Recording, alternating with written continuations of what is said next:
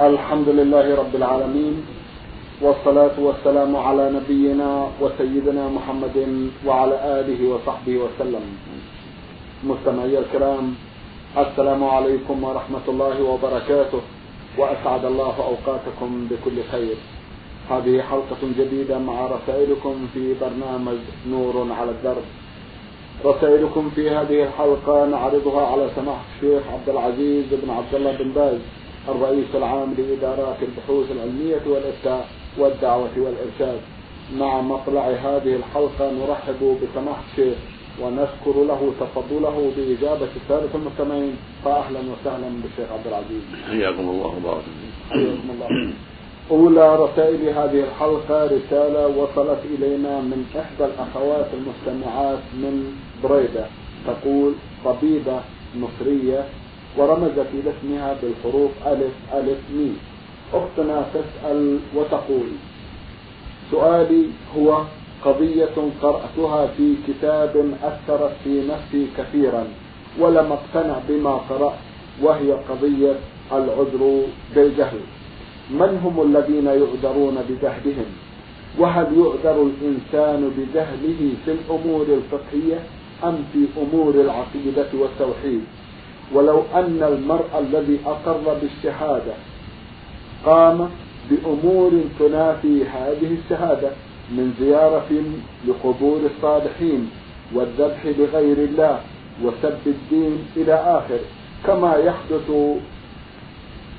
عندنا وعلماء تلك المناطق لا ينكرون هذا البلاء وهم صامتون على ما يرون. نرجو من سماحتكم أن تتفضلوا بالتوضيح حول هذه المسألة وكيف ينكر على هؤلاء الناس الذين يعيشون في ديار الإسلام. واسم الكتاب عندي وسأوضحه لكم إذا طلبتم. جزاكم الله خيرا. بسم الله الرحمن الرحيم. الحمد لله وصلى الله وسلم على رسول الله وعلى آله وأصحابه ومن اهتدى بهداه. أما بعد فإن دعوى الجهل والعذر بها والعذر بالجهل فيه تفصيل وليس كل أحد يعذر بالجهل الأمور التي جاء بها الإسلام وبينها الرسول للناس وأوضحها كتاب الله وانتشرت بين المسلمين فإن دعوى الجهل لا تقبل ولا سيما ما يتعلق بالعقيدة وأصل الدين. فإن الله عز وجل بعث نبيه صلى الله عليه وسلم ليوضح للناس دينهم وليشرح لهم دينهم. وبلغ البلاغ المبين. وأوضح للأمة حقيقة دينها. وشرح لها كل شيء. وتركها على البيضاء ليلها كنهارها. وفي كتاب الله الهدى والنور. فإذا ادعى بعض الناس الجهل فيما هو معلوم من الدين بالضرورة قد انتشر بين المسلمين كدعوى الجهل بالشرك وعبادة غير الله عز وجل أو دعوى أن الصلاة غير واجبة أو صيام رمضان غير واجب. أو الزكاة غير واجبة أو الحج مع الاستطاعة غير واجب هذا كله لا يقبل. لأن هذا أمر معلوم بين المسلمين قد بين بالضرورة من دين الإسلام وقد انتشر بين المسلمين فلا تقبل الدعوة في ذلك. وهكذا إذا ادعى أنه يجهل ما يفعله المشركون عند القبور أو عند الأصنام من دعوة الأموات والاستغاثة بالأموات والذبح لهم والنذر لهم أو الذبح للأصنام أو للكواكب أو للأشجار والأحجار والاستغاثة بهم وطلب الشفاء أو النصر على الأعداء من الأموات أو الأصنام أو الجن أو الملائكة أو الأنبياء. وكل هذا أمر معلوم من الدين بالضرورة وأنه شرك أكبر. أوضح الله في كتابه كل ذلك. وأوضحه الرسول صلى الله عليه وسلم. وبقي ثلاثة عشر سنة في مكة. وينذر الناس هذا الشرك. وهكذا في المدينة عشر سنين. ويوضح لهم وجوب إخلاص العبادة لله وحده. ويتلو عليهم كتاب الله. قال ربك ألا تعبدوا إلا إياه. إياك نعبد وإياك نستعين. وما أمروا إلا ليعبدوا الله مخلصين له الدين حنفاء. فاعبد الله مخلصا له الدين. ألا لله الدين الخالص. فلا تدعو مع الله أحدا. ويقول سبحانه قل إن صلاتي ونسكي ومحياي وماتي لله رب لا شريك له. وبذلك أمرت وأنا أول المسلمين. ويقول سبحانه يخاطب النبي صلى الله عليه وسلم إنا أعطيناك الكوثر فصل لربك وانحر. ويقول عز وجل فلا تدعو مع الله أحدا. ويقول سبحانه من يدعو مع الله إلها آخر لا برهان له به. فإنما حسابه عند ربه إنه لا يفلح الكافرون. وهكذا الاستهزاء بالدين والطعن في الدين والسخرية والسب كل هذا من الكفر الأكبر مما لا يعذر فيه من تعاطاه لأنه معلوم من الدين بالضرورة أن سب الدين أو سب الرسول صلى الله عليه وسلم من الكفر الأكبر. وهكذا الاستهزاء والسخرية. قال تعالى, قال تعالى قل بالله وآياته ورسوله كنتم تستهزئون. لا تعتذروا قد كفرتم بعد إيمان فالواجب على أهل العلم في أي مكان أن ينشروا هذا بين الناس وأن يظهروه حتى لا تبقى للعامة عذر حتى لا يبقى للعامة عذر وحتى ينتشر بينهم هذا الأمر العظيم وحتى يدعوا التعلق بالأموات والاستغاثة بالأموات. في أي مكان. في مصر أو الشام أو العراق أو في المدينة عند قبر النبي صلى الله عليه وسلم أو في مكة أو غير ذلك. حتى ينتبه الحجيج وينتبه الناس ويعلموا شرع الله ودينه. فسكوت العلماء من أسباب هلاك العامة وجهلهم. فيجب على أهل العلم أينما كانوا في أي مكان أن يبلغوا الناس دين الله. وأن يعلموهم توحيد الله وأنواع الشرك بالله حتى يدعوا الشرك على بصيرة وحتى يعبدوا الله وحده على بصيرة. وهكذا ما يقع عند قبر البدوي أو الحسين رضي الله عنه أو عند قبر الشيخ عبد القادر الجيلاني أو عند قبر النبي صلى الله عليه وسلم في المدينة أو عند غيرهم. يجب التنبيه على هذا الأمر وأن يعلم الناس أن العبادة حق الله وحده ليس لأحد فيها حق. كما قال عز وجل وما أمروا إلا ليعبدوا الله مخلصين له الدين. قال سبحانه فاعبد الله مخلصا له الدين ألا لله الدين الخالص. يقول سبحانه وقضى ربك إن أمر ربك ألا تعبدوا إلا إياه. والواجب على أهل العلم في جميع البلاد الإسلامية وفي كل مكان وفي الأقليات الإسلامية وفي كل مكان. أن يعلموا الناس توحيد الله ويبصروهم بمعنى عبادة الله وأن يحذروهم من الشرك بالله عز وجل الذي هو أعظم الذنوب. قد خلق الله الثقلين ليعبدوه وأمرهم بذلك. يقول سبحانه وما خلقت الجن والإنس إلا ليعبدون. وعبادته بطاعته وطاعة الرسول صلى الله عليه وسلم وإخلاص العبادة له. توجيه القلوب إليه. قال تعالى يا أيها الناس اعبدوا ربكم الذي خلقكم والذين من قبلكم لعلكم تتقون. أما المسائل التي قد تخفى في مسائل المعاملات في بعض شؤون الصلاة في بعض شؤون الصيام فقد يعذر فيها جاهل في بعض المسائل. كما عذر النبي صلى الله عليه وسلم الذي أحرى في جبة وتلطخ بالطيب فقال له النبي صلى الله عليه وسلم احل عنك الجبة. واغسل عنك هذا الخلوق واصلى في عمرتك. ما أنت صار في حجتك ولم يامره به فدية لجهله. كونه احرى بالجبه وكونه تلطخ بالطيب لم يامره بفديه لجهله. هكذا بعض المسائل التي قد تخفى يعلم فيها الجاهل يبصر فيها الجاهل. أما الأمور الأصولية أصول العقيدة اركان الإسلام المحرمات الظاهرة. فلا يقبل من احد عذر في ذلك. فلو قال أحد ما أعرف إن الزنا حرام وهو بين المسلمين ما يعذر يقام عليه حد الزنا. أو قال ما أعرف أن الخمر حرام وبين المسلمين ما يعذر أو قال ما أعرف أن العقوق للوالدين حرام ما يعذر يضرب يؤدب.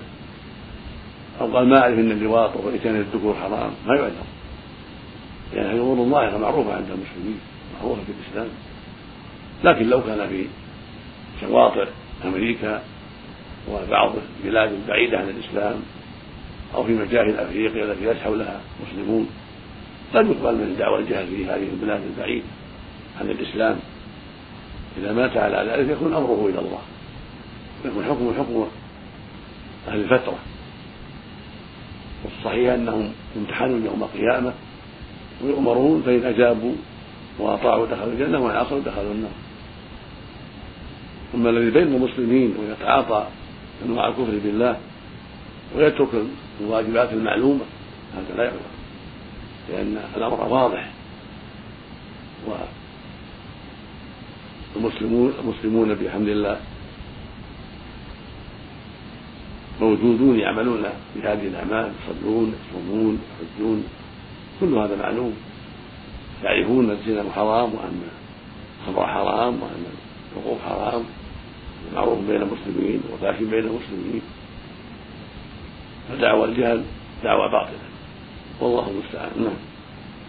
أختنا تسأل أيضا سماحة الشيخ وتقول هل تطرق سلفنا الصالح إلى بحث هذه القضية قضية العذر بالجهل؟ نعم. تطرق إلى العلماء. وبينوا أن الجهل إنما يقبل فيما يمكن الجهل فيه. وأما الأشياء التي لا يمكن الجهل فيها بل لظهورها وانتشارها بين المسلمين فإنه لا تقبل فيها دعوى الجهل لكن تقبل ممن مثله يجهل يكون نشأ بين مسلم بين غير المسلمين ونشأ في بلاد بعيدة عن المسلمين فهذا يبين له ولا يقام عليه حد حتى يبين له. فلا يقتل إذا ترك الصلاة حتى يبين له ولا يكفر حتى يبين له. وهكذا لو زنى وما يعرف الزنا ولا يعرف أحكام الإسلام في بلاد بعيدة عن الإسلام يبين له حتى يعرف حكم الله نعم. نعود إلى رسالة أحد الإخوة المستمعين بدوي سرحان حيث عرضنا بعض أسئلته في حلقة مضت وفي هذه الحلقة يسأل ويقول إذا وضع إنسان مالا له في أحد الجهات الاعتبارية. واتضح, له أن تلك الجهة تتعامل بالربا فهل يحق له أخذ الأرباح التي حصل عليها نتيجة وضعه لماله هناك؟ أما إن وضعها ويعلم أنهم يعطون الربا وأنهم يعاملون بالربا فلا يأخذ لأنه متواطئ عليه الشرط المتواطئ عليه كالشرط المشروط سواء والربا من أقبح السيئات ومن أقبح الكبائر وليس له إلا رأس ماله. لكن لو وضعها في بنك ولا يعرف هذه الأمور ولا يعرف أنهم يعطون ربا فأعطوه شيئا من غير شرط بينه وبينهم لا تواطؤ ولا تلفظ. لم يتلفظ ولم يتواطؤ ولم يعرف حاله في هذا. فإنه يأخذه ويصرفه في المصالح كإعطاء الفقراء والمساكين. ومساعدة المحتاج للزواج وقضاء دين المدينين الذين يحتاجون إلى ذلك ونحو ذلك. هذا أورع وأحوط له وبعدا عن الشبهة. وإلا فالإنسان لو أقرض إنسانا مالا وأعطاه شيء بعد الوفاء من غير شرط فلا بأس. إن خيار الناس أحسنهم القضاء كما قاله النبي صلى الله عليه وسلم. فلو أن إنسانا أقرض أخا له مئة ريال أو ألف ريال من دون شرط زيادة ولا مواطأة على الزيادة فلما ردها عليه ردها عليه مع زيادة جزاء له على إحسانه أو أعطاه معها هدية غير المئة من دون شرط ولا تواطؤ لا بأس بذلك. إن خيار الناس أحسنهم قط فإن المحرم أن يتواطأ معه على ذلك أو يشرط عليه ذلك. فيقول نعم أنا أعطيك مئة بمئة الخمسة أو بمئة عشرة ولو كان غير غير بنك ولو كان إنسان عادي. يكون ربا وهكذا مع مع البنوك. دفع دفع عليهم الأموال باسم الودائع. وهم يؤدون له هذا الربا بالتواطؤ أو بالشرط. هذا هو الربا الصريح. عند جميع أهل العلم. نسأل الله السلامة. نعم. ما هي صفة المداينة السليمة التي هي على الوجه الشرعي السليم؟ أرجو شرح ذلك بالتفصيل. المداينة السليمة هي أن الإنسان يشتري بحاجة إلى أجل معلوم. يكون محتاجا مثلا إلى طعام فيشتري الطعام من تاجر إلى أجل معلوم، ما عنده فلوس إلى أجل معلوم. محتاج إلى ملابس يشتريها إلى أجل معلوم محتاج إلى حزام يشتريه إلى أجل معلوم محتاج للزواج فيقترض من أخيه إلى أجل معلوم أو مطلقا. قال الله عز وجل يا أيها الذين آمنوا إذا تداينتم بدين إلى أجل مسلم فاكتبوه. وقال سبحانه وأحد الله البيع وحرم الربا. فإذا استدان منه إلى أجل معلوم أو اشترى منه إلى أجل معلوم فلا حرج في ذلك فلا حرج في ذلك. إذا كان المبيع ليس من أموال الربا. أما إذا كان من أموال الربا فلا بد أن يكون الثمن ليس من أموال الربا. حتى لا يقع الحرام. إذا اشترى برا أو أرزا أو غنما أو إبلا أو بقرا إلى أجل معلوم فلا بأس بها. يعني بالنقود إلى أجل معلوم فلا بأس. لكن لو اشترى البر ببر إلى أجل معلوم أو بالشعير إلى أجل معلوم فلا لأن هذه أموال ربا أو اشترى دولار بريال سعودي أو بدينار أردني أو عراقي أو بجنيه استرليني إلى أجل فإنه لا يجوز. بل لابد من التقابض المجلس يعني لأن هذه أموال ربوية نقود. لا بد فيها من التقابض في المجلس. وإذا كان من جنس واحد فلا بد فيها من التماثل مع القبض أيضا. إذا كان من جنس واحد فلا بد من أمرين التقابض والتماثل. وإن كانت من جنسين كالذهب بالفضة والدولار بالجنيه الاسترليني ونحو ذلك فلا بد من التقابض. لأنهما ربويان. كبيع البر بالشعير لابد من التقابض لأنهما ربويان. لكن لو باع أرضا بأي عملة وبأي ثمن إلى أجل معلوم فلا بأس. لأن الأرض غير ربوية أو باع إبلا أو غنما إلى أجل معلوم بأي عملة فلا بأس. ولو كان الثمن المؤجل أكثر من الثمن الحال لو باعها بسعر النقد كان ثمنها أقل فلا بأس أن يبيعها إلى أجل ولو بثمن أكثر. ولا يكون هذا ربا عند جمهور أهل العلم بل بعضهم حكاه إجماعا. فإن المداينة نص عليها الرب عز وجل وبين إباحتها سبحانه. فليس في المداينة حرج إلى أجل معلوم ولو كان الثمن المؤجل أكثر من الثمن الحال. ومعلوم أن عادة التجار لا يبيعون إلا بزيادة إذا كان مؤجلا لا يبيعون المؤجل بمثل الحال. هذا أمر معلوم. فلا حرج في ذلك. أما إن كانت المسألة هي حيلة فالحيل التي توصل الحرام أو توقع الحرام محرمة. هذا مال بالنيات. وقد ثبت عنه صلى الله عليه وسلم قال لا ترتكبوا ما ارتكبت اليهود فتستحلوا محارم الله بأدى الحيل. فإذا اشترى منه حاجة بثمن مؤجل ثم ردها عليه بثمن نقد. والمقصود هو الثمن المؤجل. المقصود هو ثمن النقد بالمؤجل ولكن جعل السلعة حيلة وتسمى مسألة العينة هذه حيلة باطلة ولا تجوز. فلو مثلا اشترى منه سيارة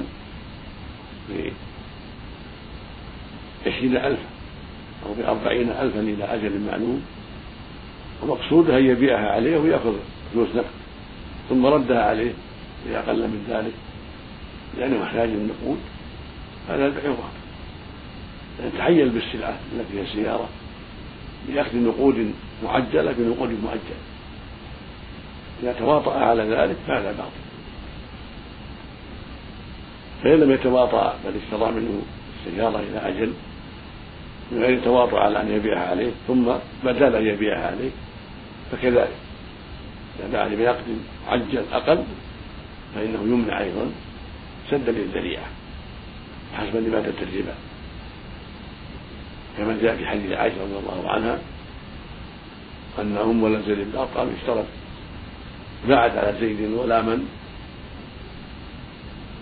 بثمانمائة من العطاء ثم اشترت منه بستمائة نقدا.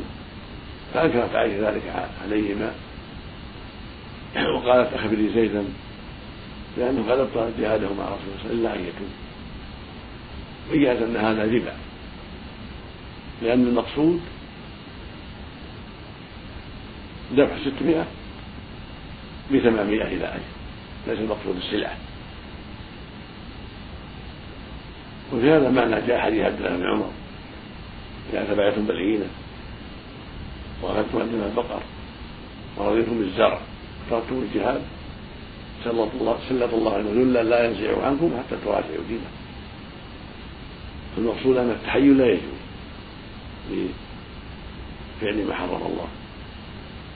بل يجب أن تكون الأمور ظاهرة واضحة لا حيلة فيها. تخالف الشرع. نعم.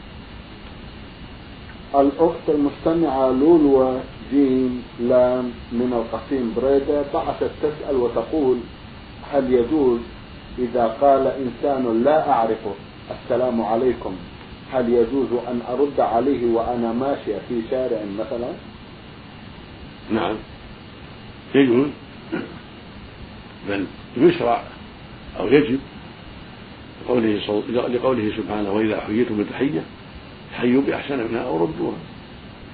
ولأنه صلى الله عليه وسلم سلم على النساء وذكر النساء ودعاهن إلى الله. إذا سلم المسلم يرد عليه سواء على الرجال أو على النساء. إذا سلمت المرأة الرجال يرد عليها. إذا سلم الرجال يرد عليهم من جهة النساء.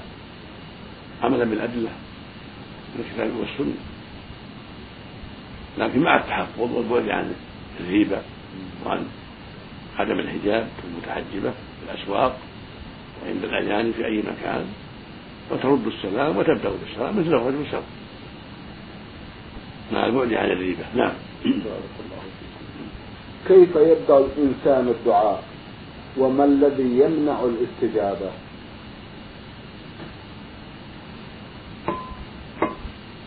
السنة يبدأ بالحمد لله ثم الصلاة على النبي صلى الله عليه وسلم ثم يدعو.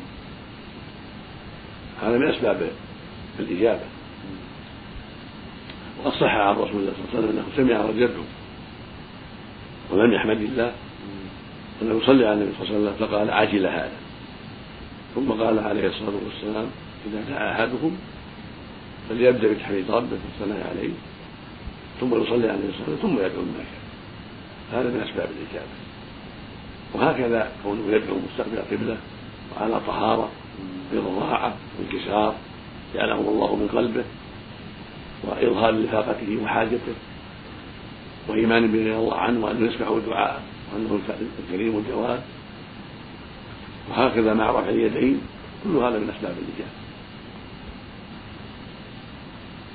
ومن أسباب منع الإجابة السهو والغفلة كن يدعو بقلب ساهي غافل ليس عنده انكسار ولا ضراعة ولا حضور قلب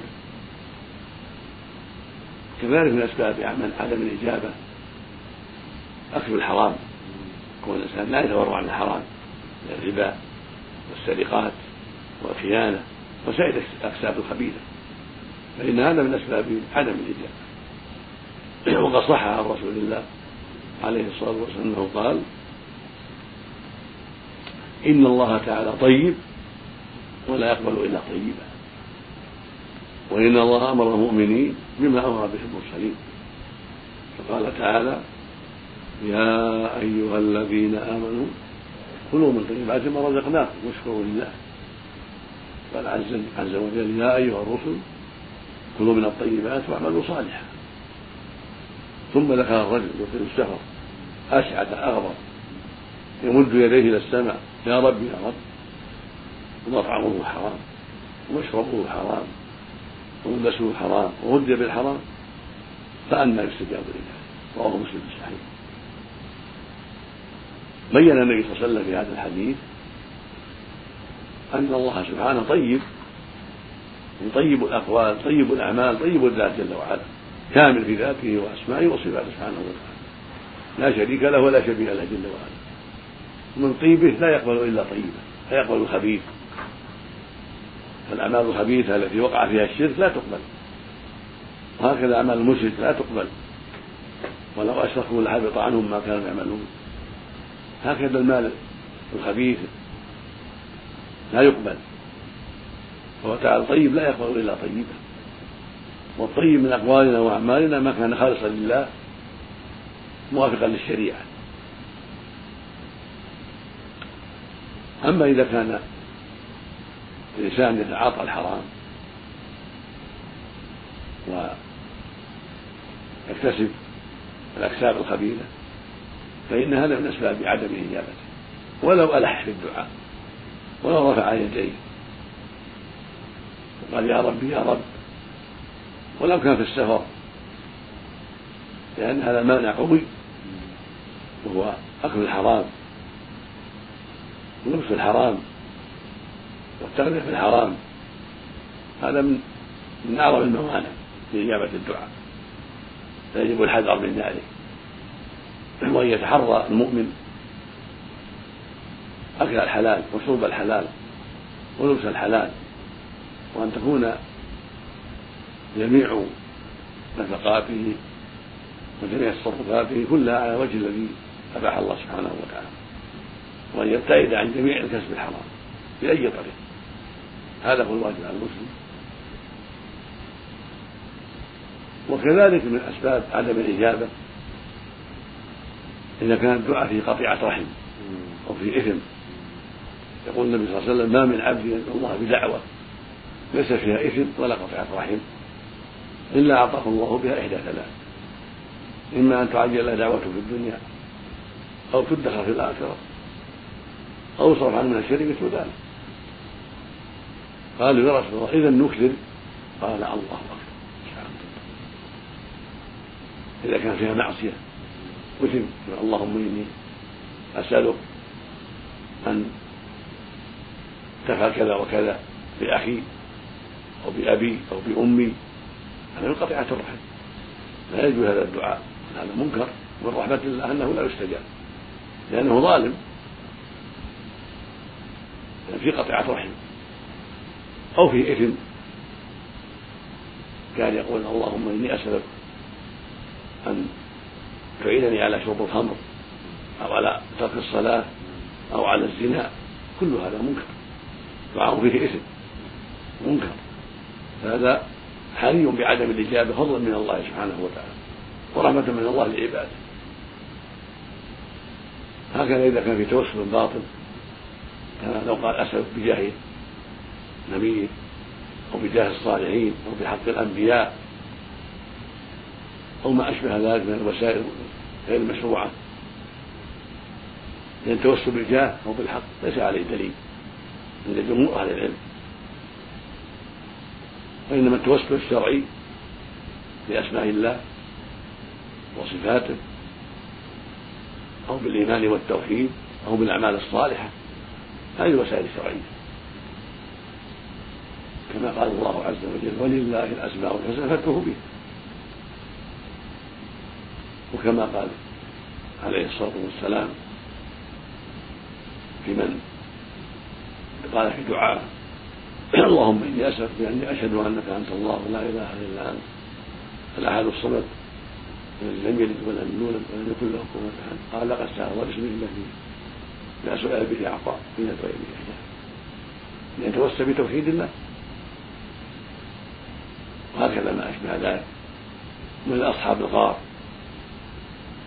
الذي الذين توسلوا بأعمال صالحة. وهو ما رواه الشيخان حديث ابن عمر رضي الله تعالى عنهما. أن ثلاثة دخلوا غارا. لما آوهم الليل والمطر دخلوا غارا. انحدرت صخرة من أعلى الجبل سدته عليهم. فما وجدوا حيلة يزحزحونه لعظمها. فقالوا فيما بينهم إنه لن ينجكم من هذه الصخرة إلا أن تدعوا الله بصالح عمل شيخ عبد العزيز انتهى الوقت. لو يؤجل هذا إلى لا بأس. إن شاء الله. شكرا لكم وأرجو أن نلتقي في حلقات قادمة. مستمعي الكرام كان لقاؤنا في هذه الحلقة مع سماحة الشيخ عبد العزيز بن عبد الله بن باز.